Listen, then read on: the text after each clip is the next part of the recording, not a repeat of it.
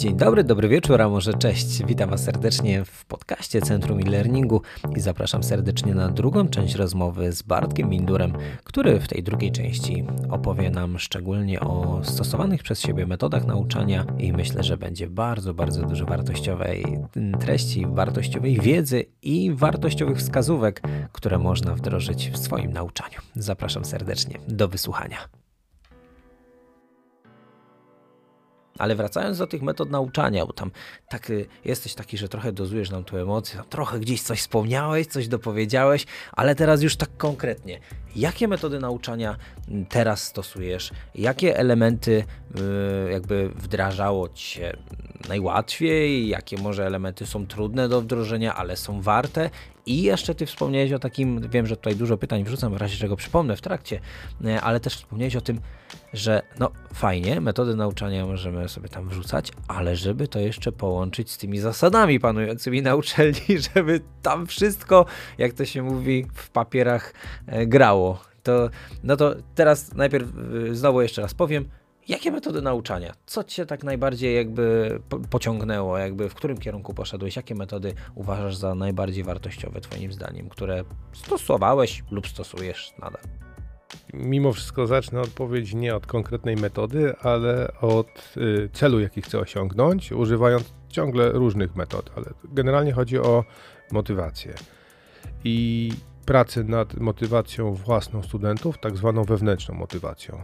I teraz jakie metody? Mm, powiedzmy, to tak przeniesienie ciężaru z nauczyciela na, na studenta, y, czy tam na osobę, która się uczy. I pierwsze, co mi przychodzi do głowy, nie to, że najczęściej to, y, to wykorzystuję, ale zdarza mi się, to jest coś takiego, co się nazywa po polsku odwrócona klasa, a po angielsku flipped classroom, czyli nie zaczynamy klasycznie od wykładu, gdzie mm, mówimy, omawiamy materiał, tylko mówimy zupełnie inaczej. Dobrze, tu jest jakiś temat, tutaj są materiały dostępne. Teraz nie mamy problemu z bibliotekami, jest internet, mamy multum materiałów pisanych, y, mówionych, ogląda, do oglądania, więc nie ma problemu. Dajemy zestaw materiałów i mówimy Ok, proszę się zapoznać z tymi materiałami i dopiero jak studenci się zapoznają z tymi materiałami, to przechodzimy do drugiego etapu, gdzie zaczynamy pracę nad tymi materiałami. Ale automatycznie jesteśmy w stanie y, zobaczyć, czy studenci A przyswajają te materiały, jak je przyswajają, gdzie się pojawiają problemy, na co trzeba położyć nacisk, gdzie są trudności, gdzie jest łatwo i i szybko jesteśmy w stanie weryfikować, czy to, co oni robią, y, czy też y, te efekty, które osiągają, to jest to, co chcemy. Bo po wykładzie y, ja mogę powiedzieć, że ja przekazałem całą wiedzę, ale efektów tego przekazywania na początek nie widzę żadnych. Tutaj już jest od razu na odwrót, bo przychodzą do mnie na zajęcia i muszą sami coś od siebie dać. A jak muszą coś od siebie dać, to automatycznie mamy materiał do, do pracy nad tym, co oni zrobili.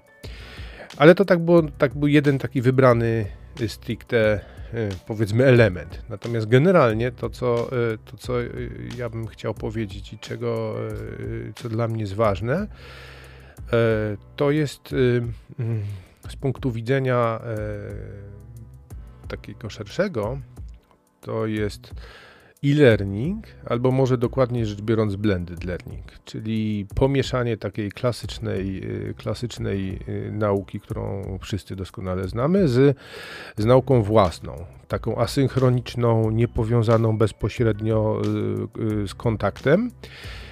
Ja nie jestem fanem samego gołego e-learningu. Moim zdaniem właśnie blended learning jest tutaj taką metodą bardzo dobrą, stosowano, stosowany adekwatnie, to znaczy zależności, dozowany, jak często się spotykamy na żywo, jak dużo zdajemy czasu do pracy samodzielnej i w zależności od reakcji grupy osób poszczególnych, y, y, dostosowywanie się do tego uważam, że daje najszersze w tym momencie pole do do szybkiego, efektywnego rozwoju studentów i to jeszcze na każdego z osobna na adekwatnym poziomie i w, w adekwatnym, w odpowiednim, że tak powiem, cyklu, szybkości, Czy inaczej mówiąc, jeżeli y, student się uczy sam i przyswaja sam materiał, to doskonale dopasowuje tempo podawania sobie tego materiału do swoich potrzeb, możliwości, jak również to kiedy to robi, tak? Czyli to, czy to robi w normalny dzień, czy to robi rano, czy wieczorem, czy w niedzielę, y, czego w normalnej nauce takiej klasycznej, gdzie się spotykamy o określonej godzinie, no, no nie ma. Tutaj mogę się posłużyć jeszcze jednym przykładem. Studenci generalnie przychodzą do mnie na wykład na żywo. Frekwencja y, na ogół osiąga 50-60%. Uważam, że to jest bardzo dobry rezultat. Poza ostatnim semestrem, gdzie była zdecydowanie niższa. No i mm, co się okazało? Że no niestety moi studenci nie akceptują wykładu o godzinie 8 rano.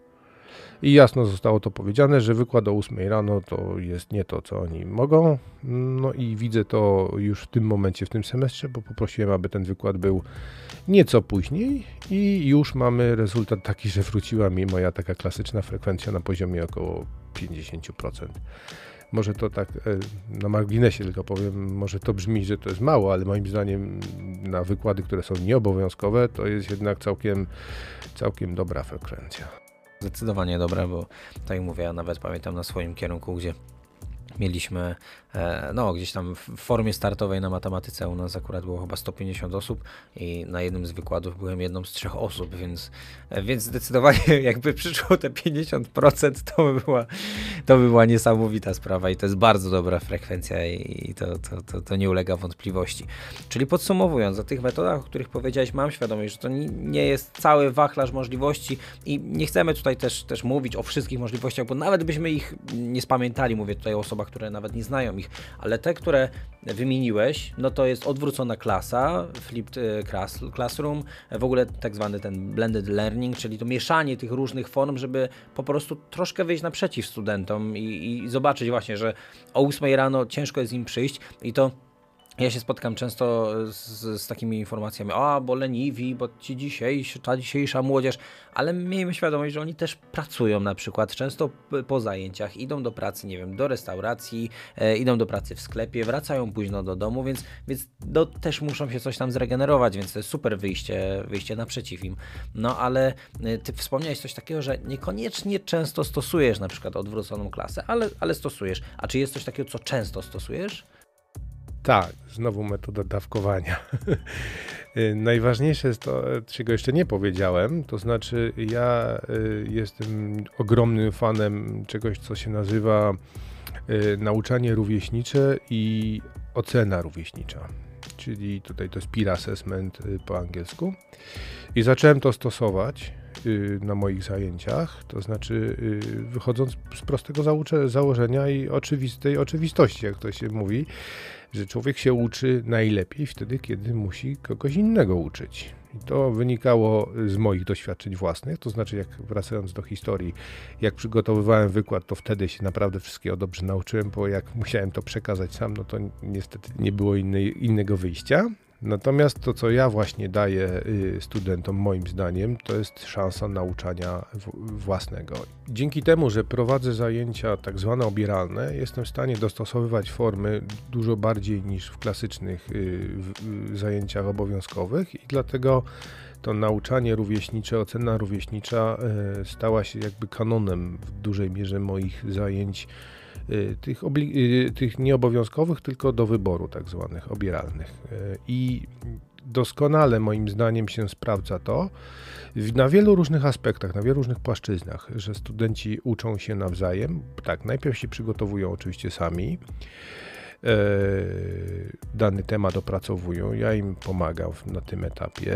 Potem jestem taką trochę merytorycznym weryfikatorem tego, czego to, co, czego oni się nauczą i jak oni potem to prezentują. Przyznam szczerze, czasami się zdarza, że też się uczę y, zupełnie nowych rzeczy dla mnie, ale wtedy y, a priori, czyli przed zajęciami mówię, ok, jeżeli chcemy poruszyć ten temat, to ja w nim nie jestem ekspertem i tym bardziej y, musimy dbać o to, żeby przekazywany kontent był naprawdę wysokiej jakości, Oczywiście w międzyczasie jest, ja się troszkę tego douczam, no ale chcę, żeby a priori było wiadomo, że, że to nie jest coś, co jest na przykład w którym, gdzie temat, w którym ja się czuję ekspertem, ale jest to możliwe u mnie do zrobienia, co dobra, nie będziemy mówić o ramach i o, o tego typu rzeczach, natomiast daje taką szansę. No i widzę, że przynosi to bardzo dobre rezultaty i tak nieco powiedzmy, mm, może nawet złośliwie podam przykład, którym ja jestem bardzo z niego dumny. E, mianowicie tak, student wybrał sobie jakiś temat do realizacji, przygotował go, przygotował seminarium w formie wideo, o tym też możemy porozmawiać, dlaczego takiej, a nie innej.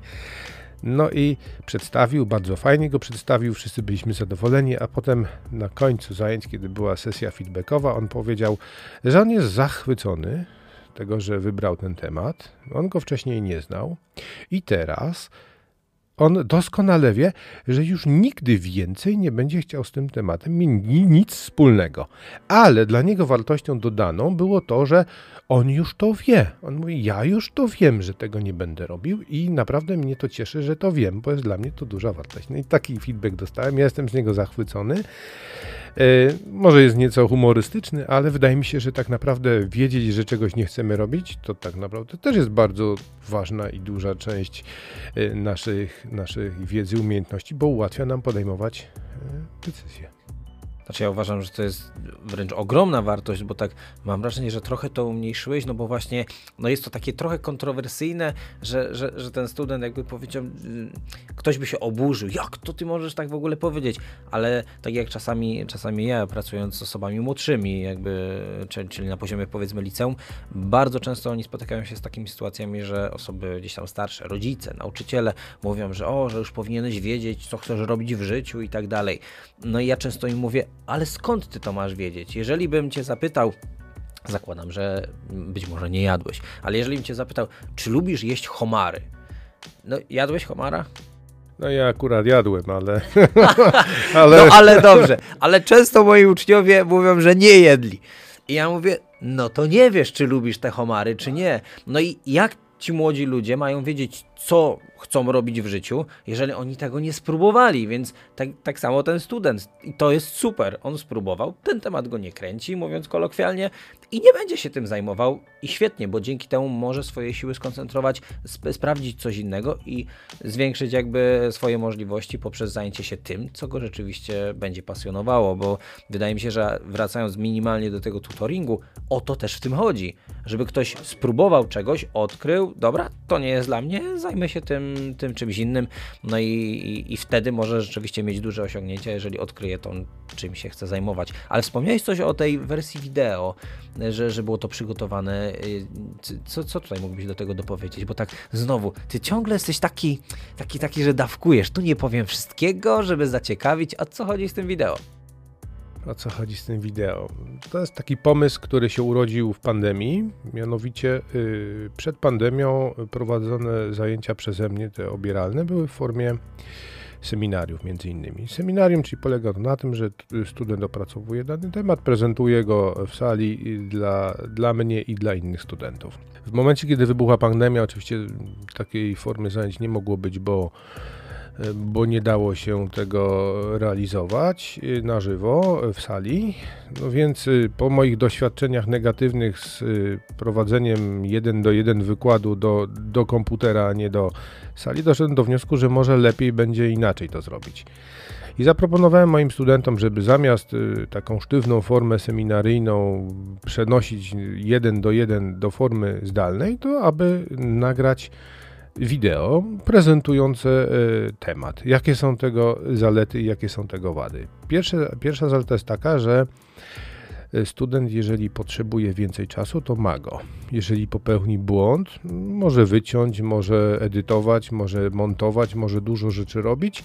Sam decyduje, kiedy ten content, który nagra, jest dla niego już wystarczająco dobry, jest z niego zadowolony i może to iteracyjnie robić. Dodatkowo może to robić, kiedy zechce. To znaczy, znowu wracamy do asynchroniczności, czyli wtedy, kiedy jest dla niego najlepszy czas, kiedy się najlepiej czuje, a nie, że w ten dzień o tej godzinie i nieważne czy dobrze, czy źle, czy chory, czy zdrowy ma to pokazać.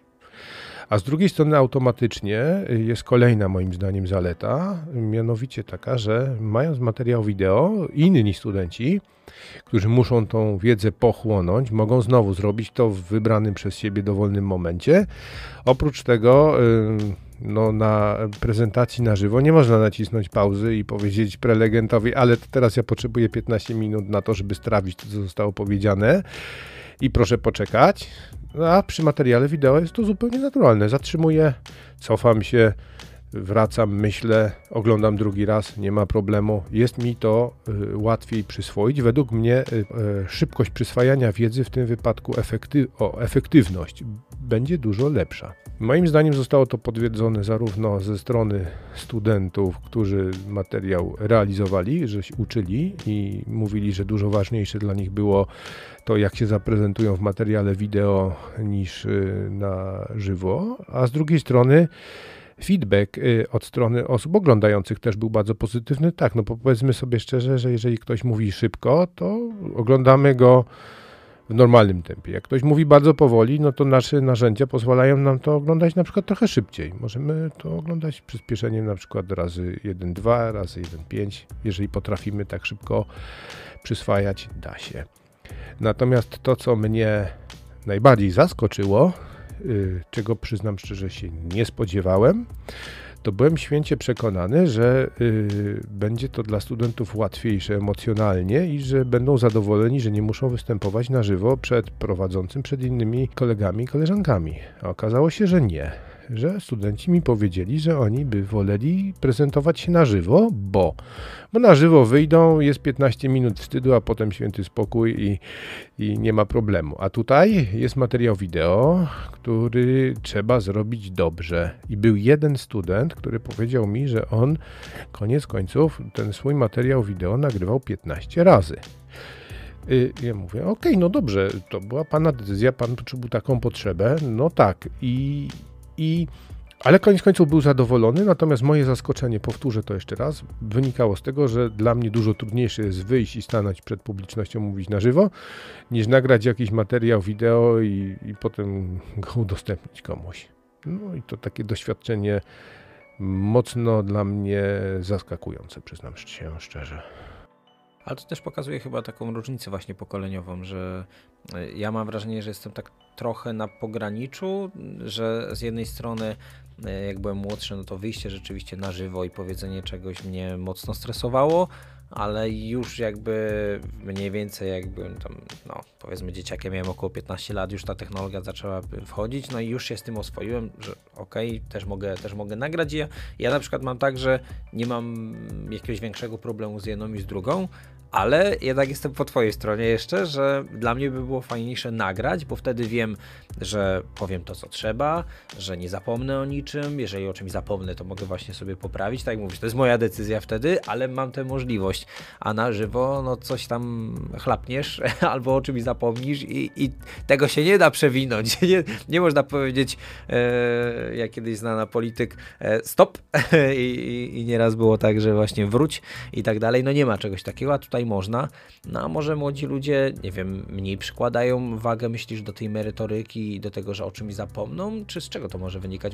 Mam przemyślenia na ten temat, dość, bo długo się nad tym zastanawiałem. Ja myślę, że to jest właśnie ta różnica pokoleniowa y, między nami, którzy byliśmy wychowani tylko i wyłącznie na żywo w świecie komunikacji międzyludzkiej, a tymi już osobami, które w sumie całe życie miały dostęp do, do technologii, do, do internetu, do wideo, do telefonów komórkowych y, umożliwiających robienie zdjęć tu i teraz, wideo, materiałów i tak dalej. I wydaje mi się, że to wprost z tego wynika.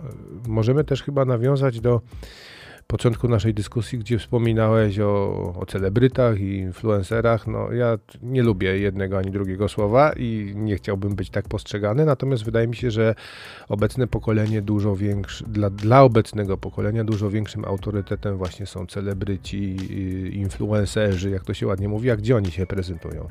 Oni się nie prezentują na żywo, nigdzie, na scenie zasadniczo, tylko materiał wideo y, nagrany gdzieś i no i to automatycznie y, podnosi wartość dla nich czegoś takiego, a obniża wartość y, wystąpień na żywo. Przynajmniej ja to tak odbieram na ten moment.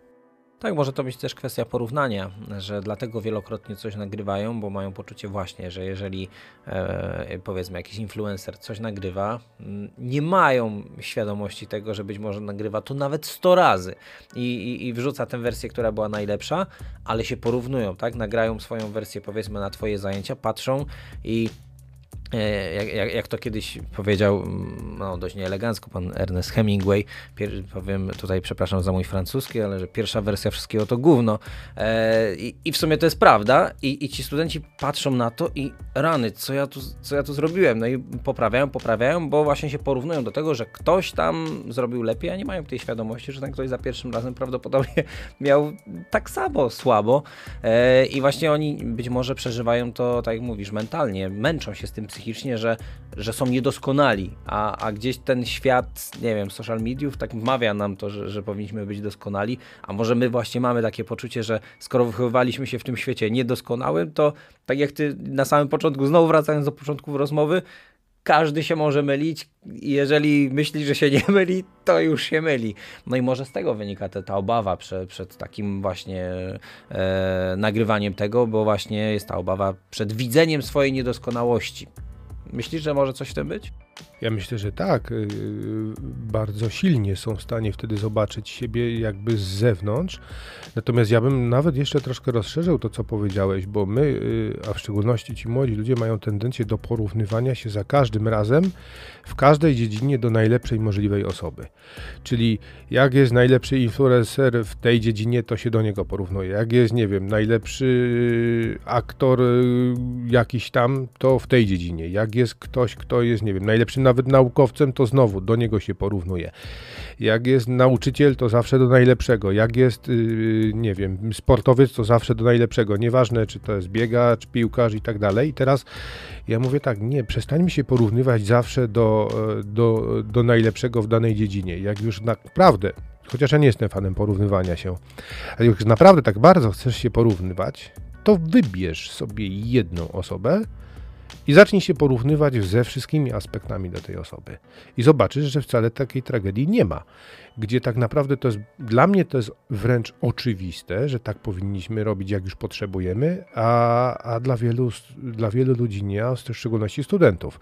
Wybierają y, te poszczególne aspekty, porównują się w nich i widzą, ojejku, jaka tragedia, tak?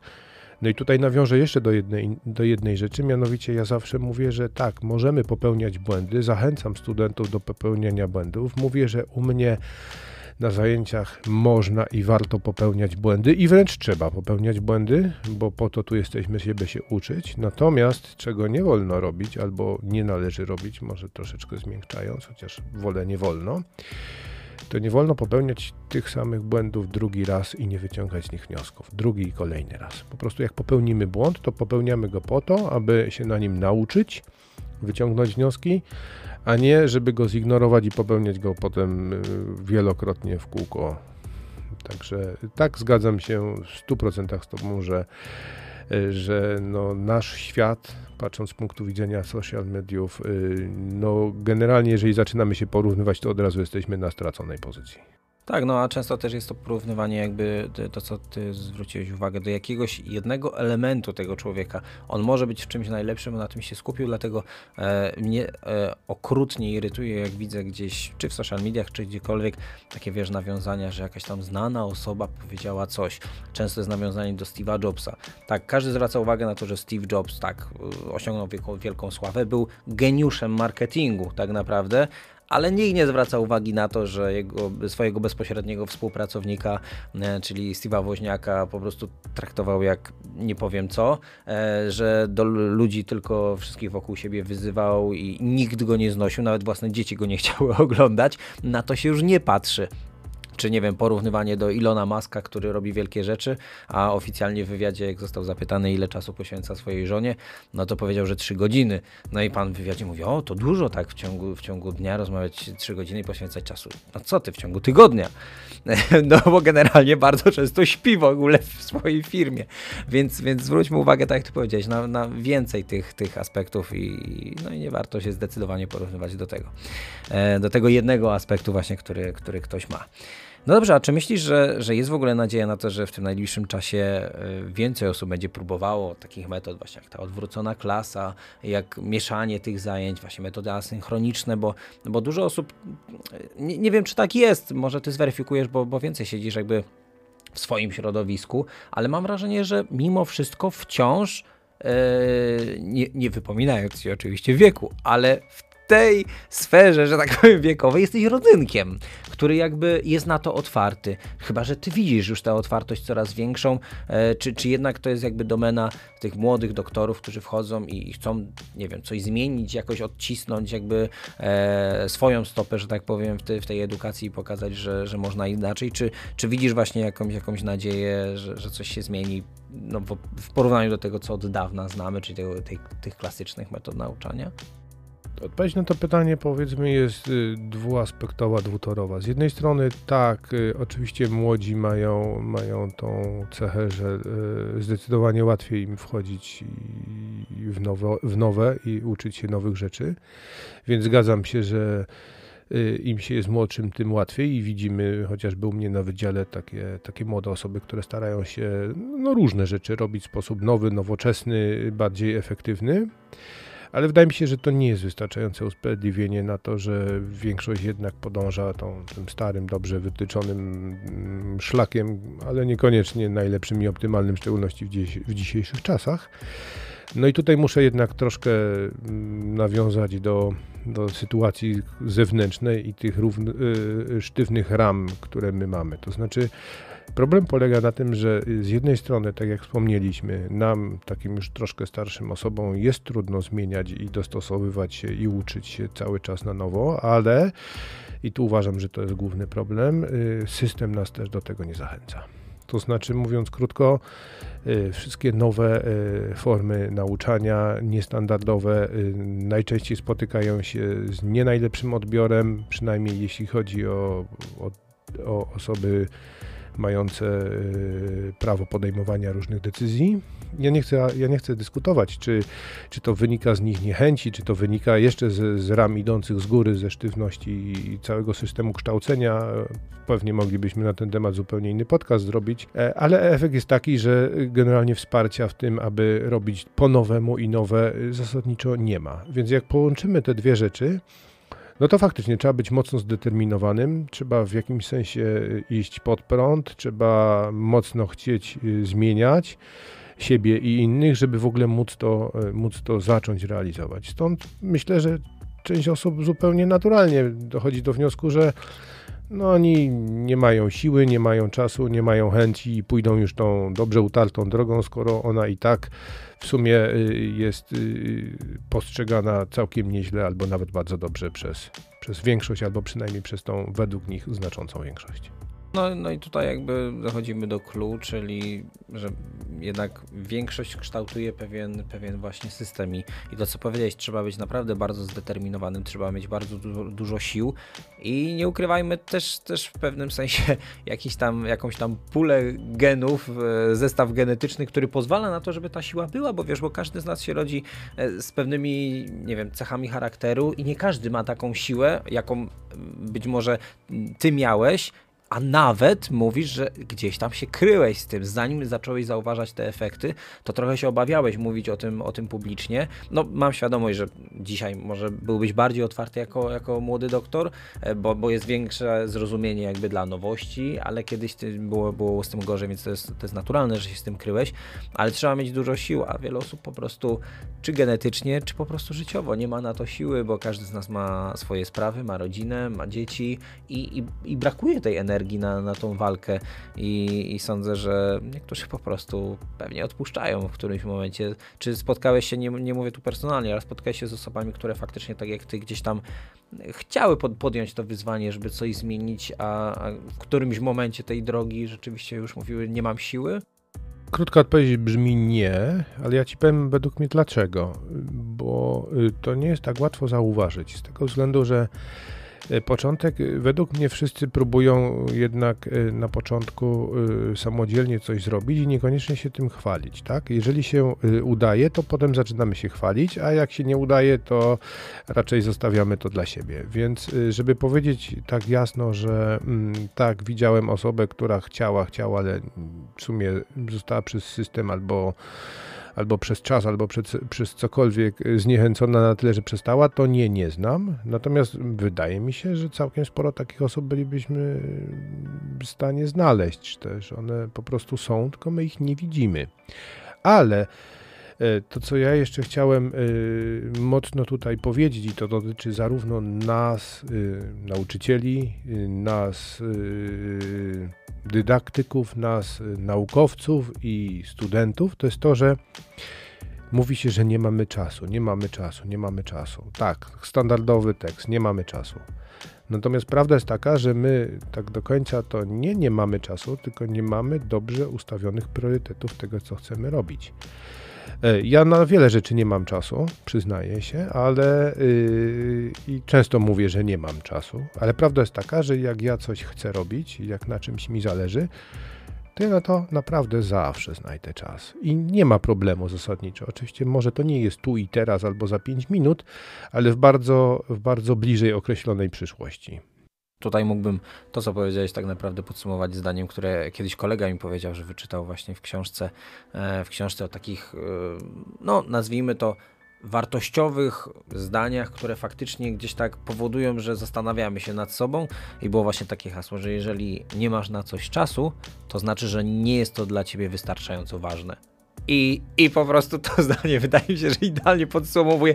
Od razu muszę Państwu powiedzieć, w ogóle się nie dogadaliśmy w tej kwestii, to nie jest ustawione, ale, ale właśnie ja takie zdanie kojarzę, a Ty idealnie trafiłeś właśnie, właśnie w punkt z tym. Ale załóżmy, Załóżmy, że ktoś nie potrafi tak tych priorytetów ustawić. Załóżmy, że nie jest to dla niego najważniejsze, żeby nie wiem, zmieniać tą edukację czy, czy coś inaczej robić, ale ma takie poczucie, że coś bym spróbował to, to czy potrafiłbyś w oparciu o to, co już opowiadałeś, o różnych metodach, wyróżnić takie rzeczy, od których poleciłbyś na przykład zacząć takiej osobie, że, że masz wrażenie, że, że każdy dydaktyk, nawet jak nie ma czasu, nawet jeżeli nie jest to dla niego najważniejsze, to mógłby w swoich zajęciach choćby minima, minimalnie to zmienić i wcale nie, nie odczuć jakiejś tam dużej, wielkiej różnicy, czy, czy którąś z tych metod byś najbardziej polecił, o których wspominałeś, albo fragment chociaż tej metody? Myślę, że tak, y, ale znowu przekładnie powiem. Nie konkretną metodę, ale konkretne działanie. To jest wiele metod, natomiast ja bym proponował większości takim, y, takich osób, które chcą zacząć, to spróbować od tego, aby oddać kontrolę. Część kontroli, przynajmniej część kontroli, studentom zaangażować ich do aktywnego budowania, kreowania zajęć. Nie tylko do bycia biernymi słuchaczami, ale do tego, aby oni kształtowali te zajęcia.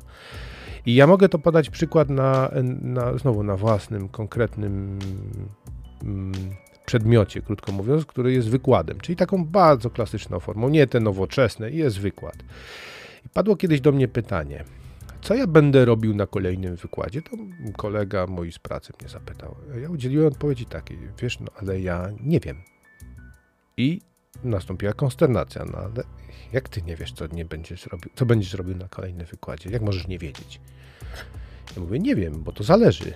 Ja przychodzę do ludzi, każdy zestaw ludzi jest inny i teraz to, co ja będę robił, zależy od tego, jak oni będą reagować, co oni będą chcieli. Bo ja przychodzę na wykład, no mam pewne rzeczy do przekazania, ale ja mogę przekazywać szybko, wolno, mogę, mogę pokazywać dygresję, mogę rozszerzać dany temat, mogę go nie rozszerzać i ja nie wiem, co się stanie na wykładzie. Ale żeby wracając jeszcze troszkę do, do ram, y, uspokoić y, formalnie sytuację, to ja y, mimo wszystko jestem w stanie i realizuję założenia z sylabusu wynikające, więc program jest zrealizowany, jeśli chodzi o dany wykład.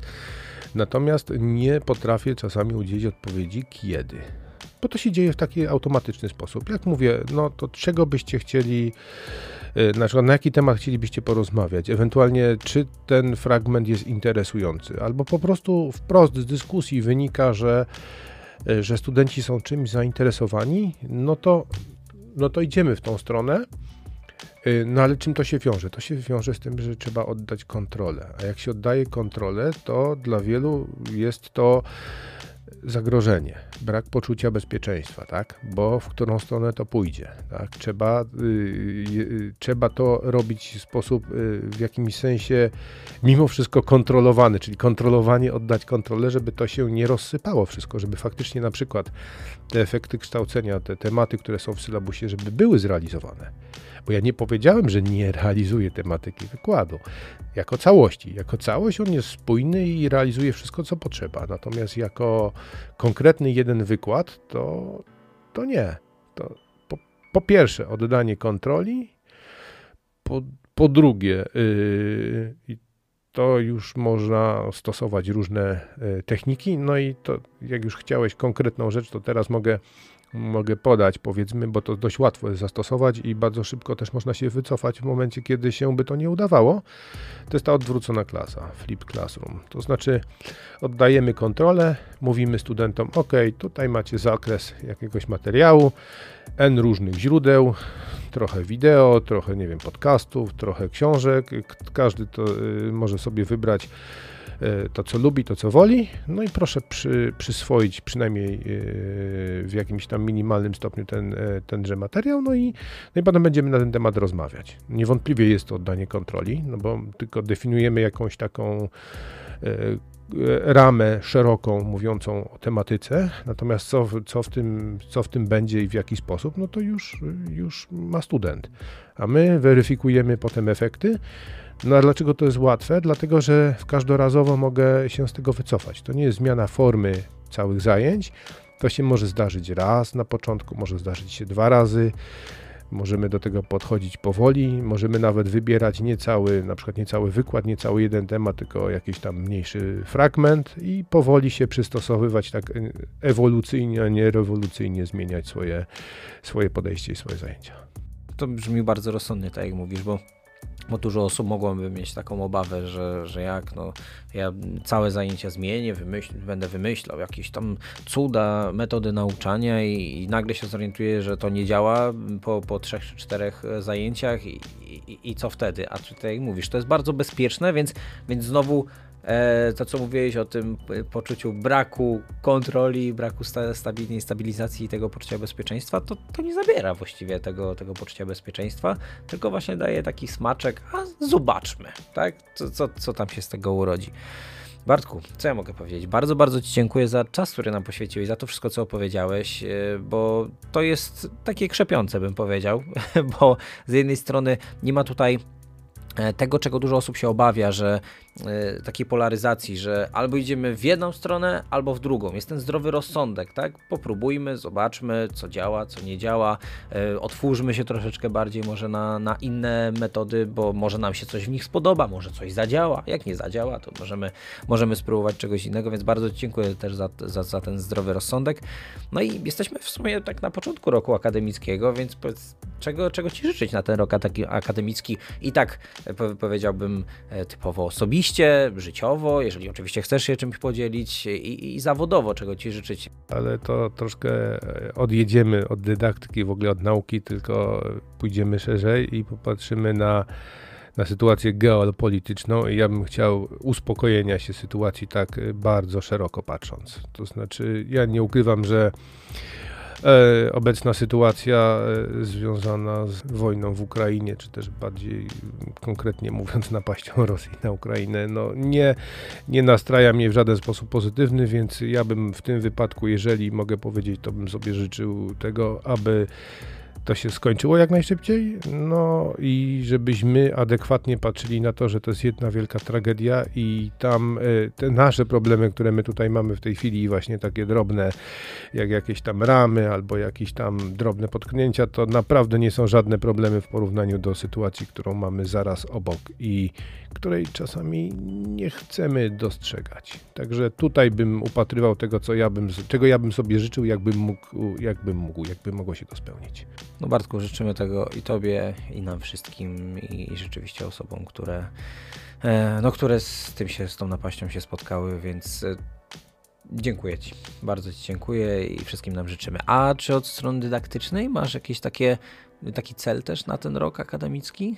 I od strony dydaktycznej mam bardzo konkretny cel. Ja jestem w grupie Gepardów y, i tam mam projekt, który y, muszę zrealizować do końca tego roku, gdyż y, planowane jest wielkie zakończenie huczne z jego magnificencją, rektorem, prezentacją i tak więc życzyłbym sobie, abym, abym sprawnie i bez prokrastynacji wziął i koniec końców zrealizował ten projekt, czyli krótko mówiąc to jest też publikacja na temat oceny rówieśniczej y, w kontekście zajęć, które do tej pory prowadziłem. Także tego bym sobie życzył, żeby to poszło sprawnie, szybko i no i, no i żeby zakończyło się faktycznie opublikowaniem tejże mojej pracy.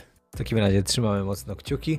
E, moim i Państwa gościem był Gepard Bartek, a konkretnie oczywiście e, Bartosz Mindor. E, Bartku, jeszcze raz, jeszcze raz bardzo dziękuję za poświęcony czas. Dziękujemy też Państwu, bo, bo tutaj e, właśnie Bartek przekazał bardzo dużo wartościowych treści, ale dziękujemy też za ten czas, który poświęciliśmy. Mamy nadzieję, że ta, ta ponad godzinka spędzona tutaj z nami, konkretnie bardziej z Bartkiem, była dla Was wartościowa i, i mamy cichą nadzieję, że może dzięki tym wskazówkom uda Wam się spróbować czegoś. A może Ty, Bartek, chcesz jeszcze coś powiedzieć tak na koniec? Y, tak, ja po pierwsze chciałbym Tobie bardzo serdecznie podziękować za zaproszenie tutaj i możliwość wzięcia udziału w czymś trochę dla mnie nowym i jednocześnie będącym wyzwaniem, bo ja, tak jak pewnie Państwo wiecie, z, z byciem celebrytą i, e, i kimś takim, to jest mi to zupełnie obce, więc musiałem troszkę się przełamać nad, e, wewnętrznie, aby przyjść i nagrać tutaj ten podcast, ale jest mi z tym w sumie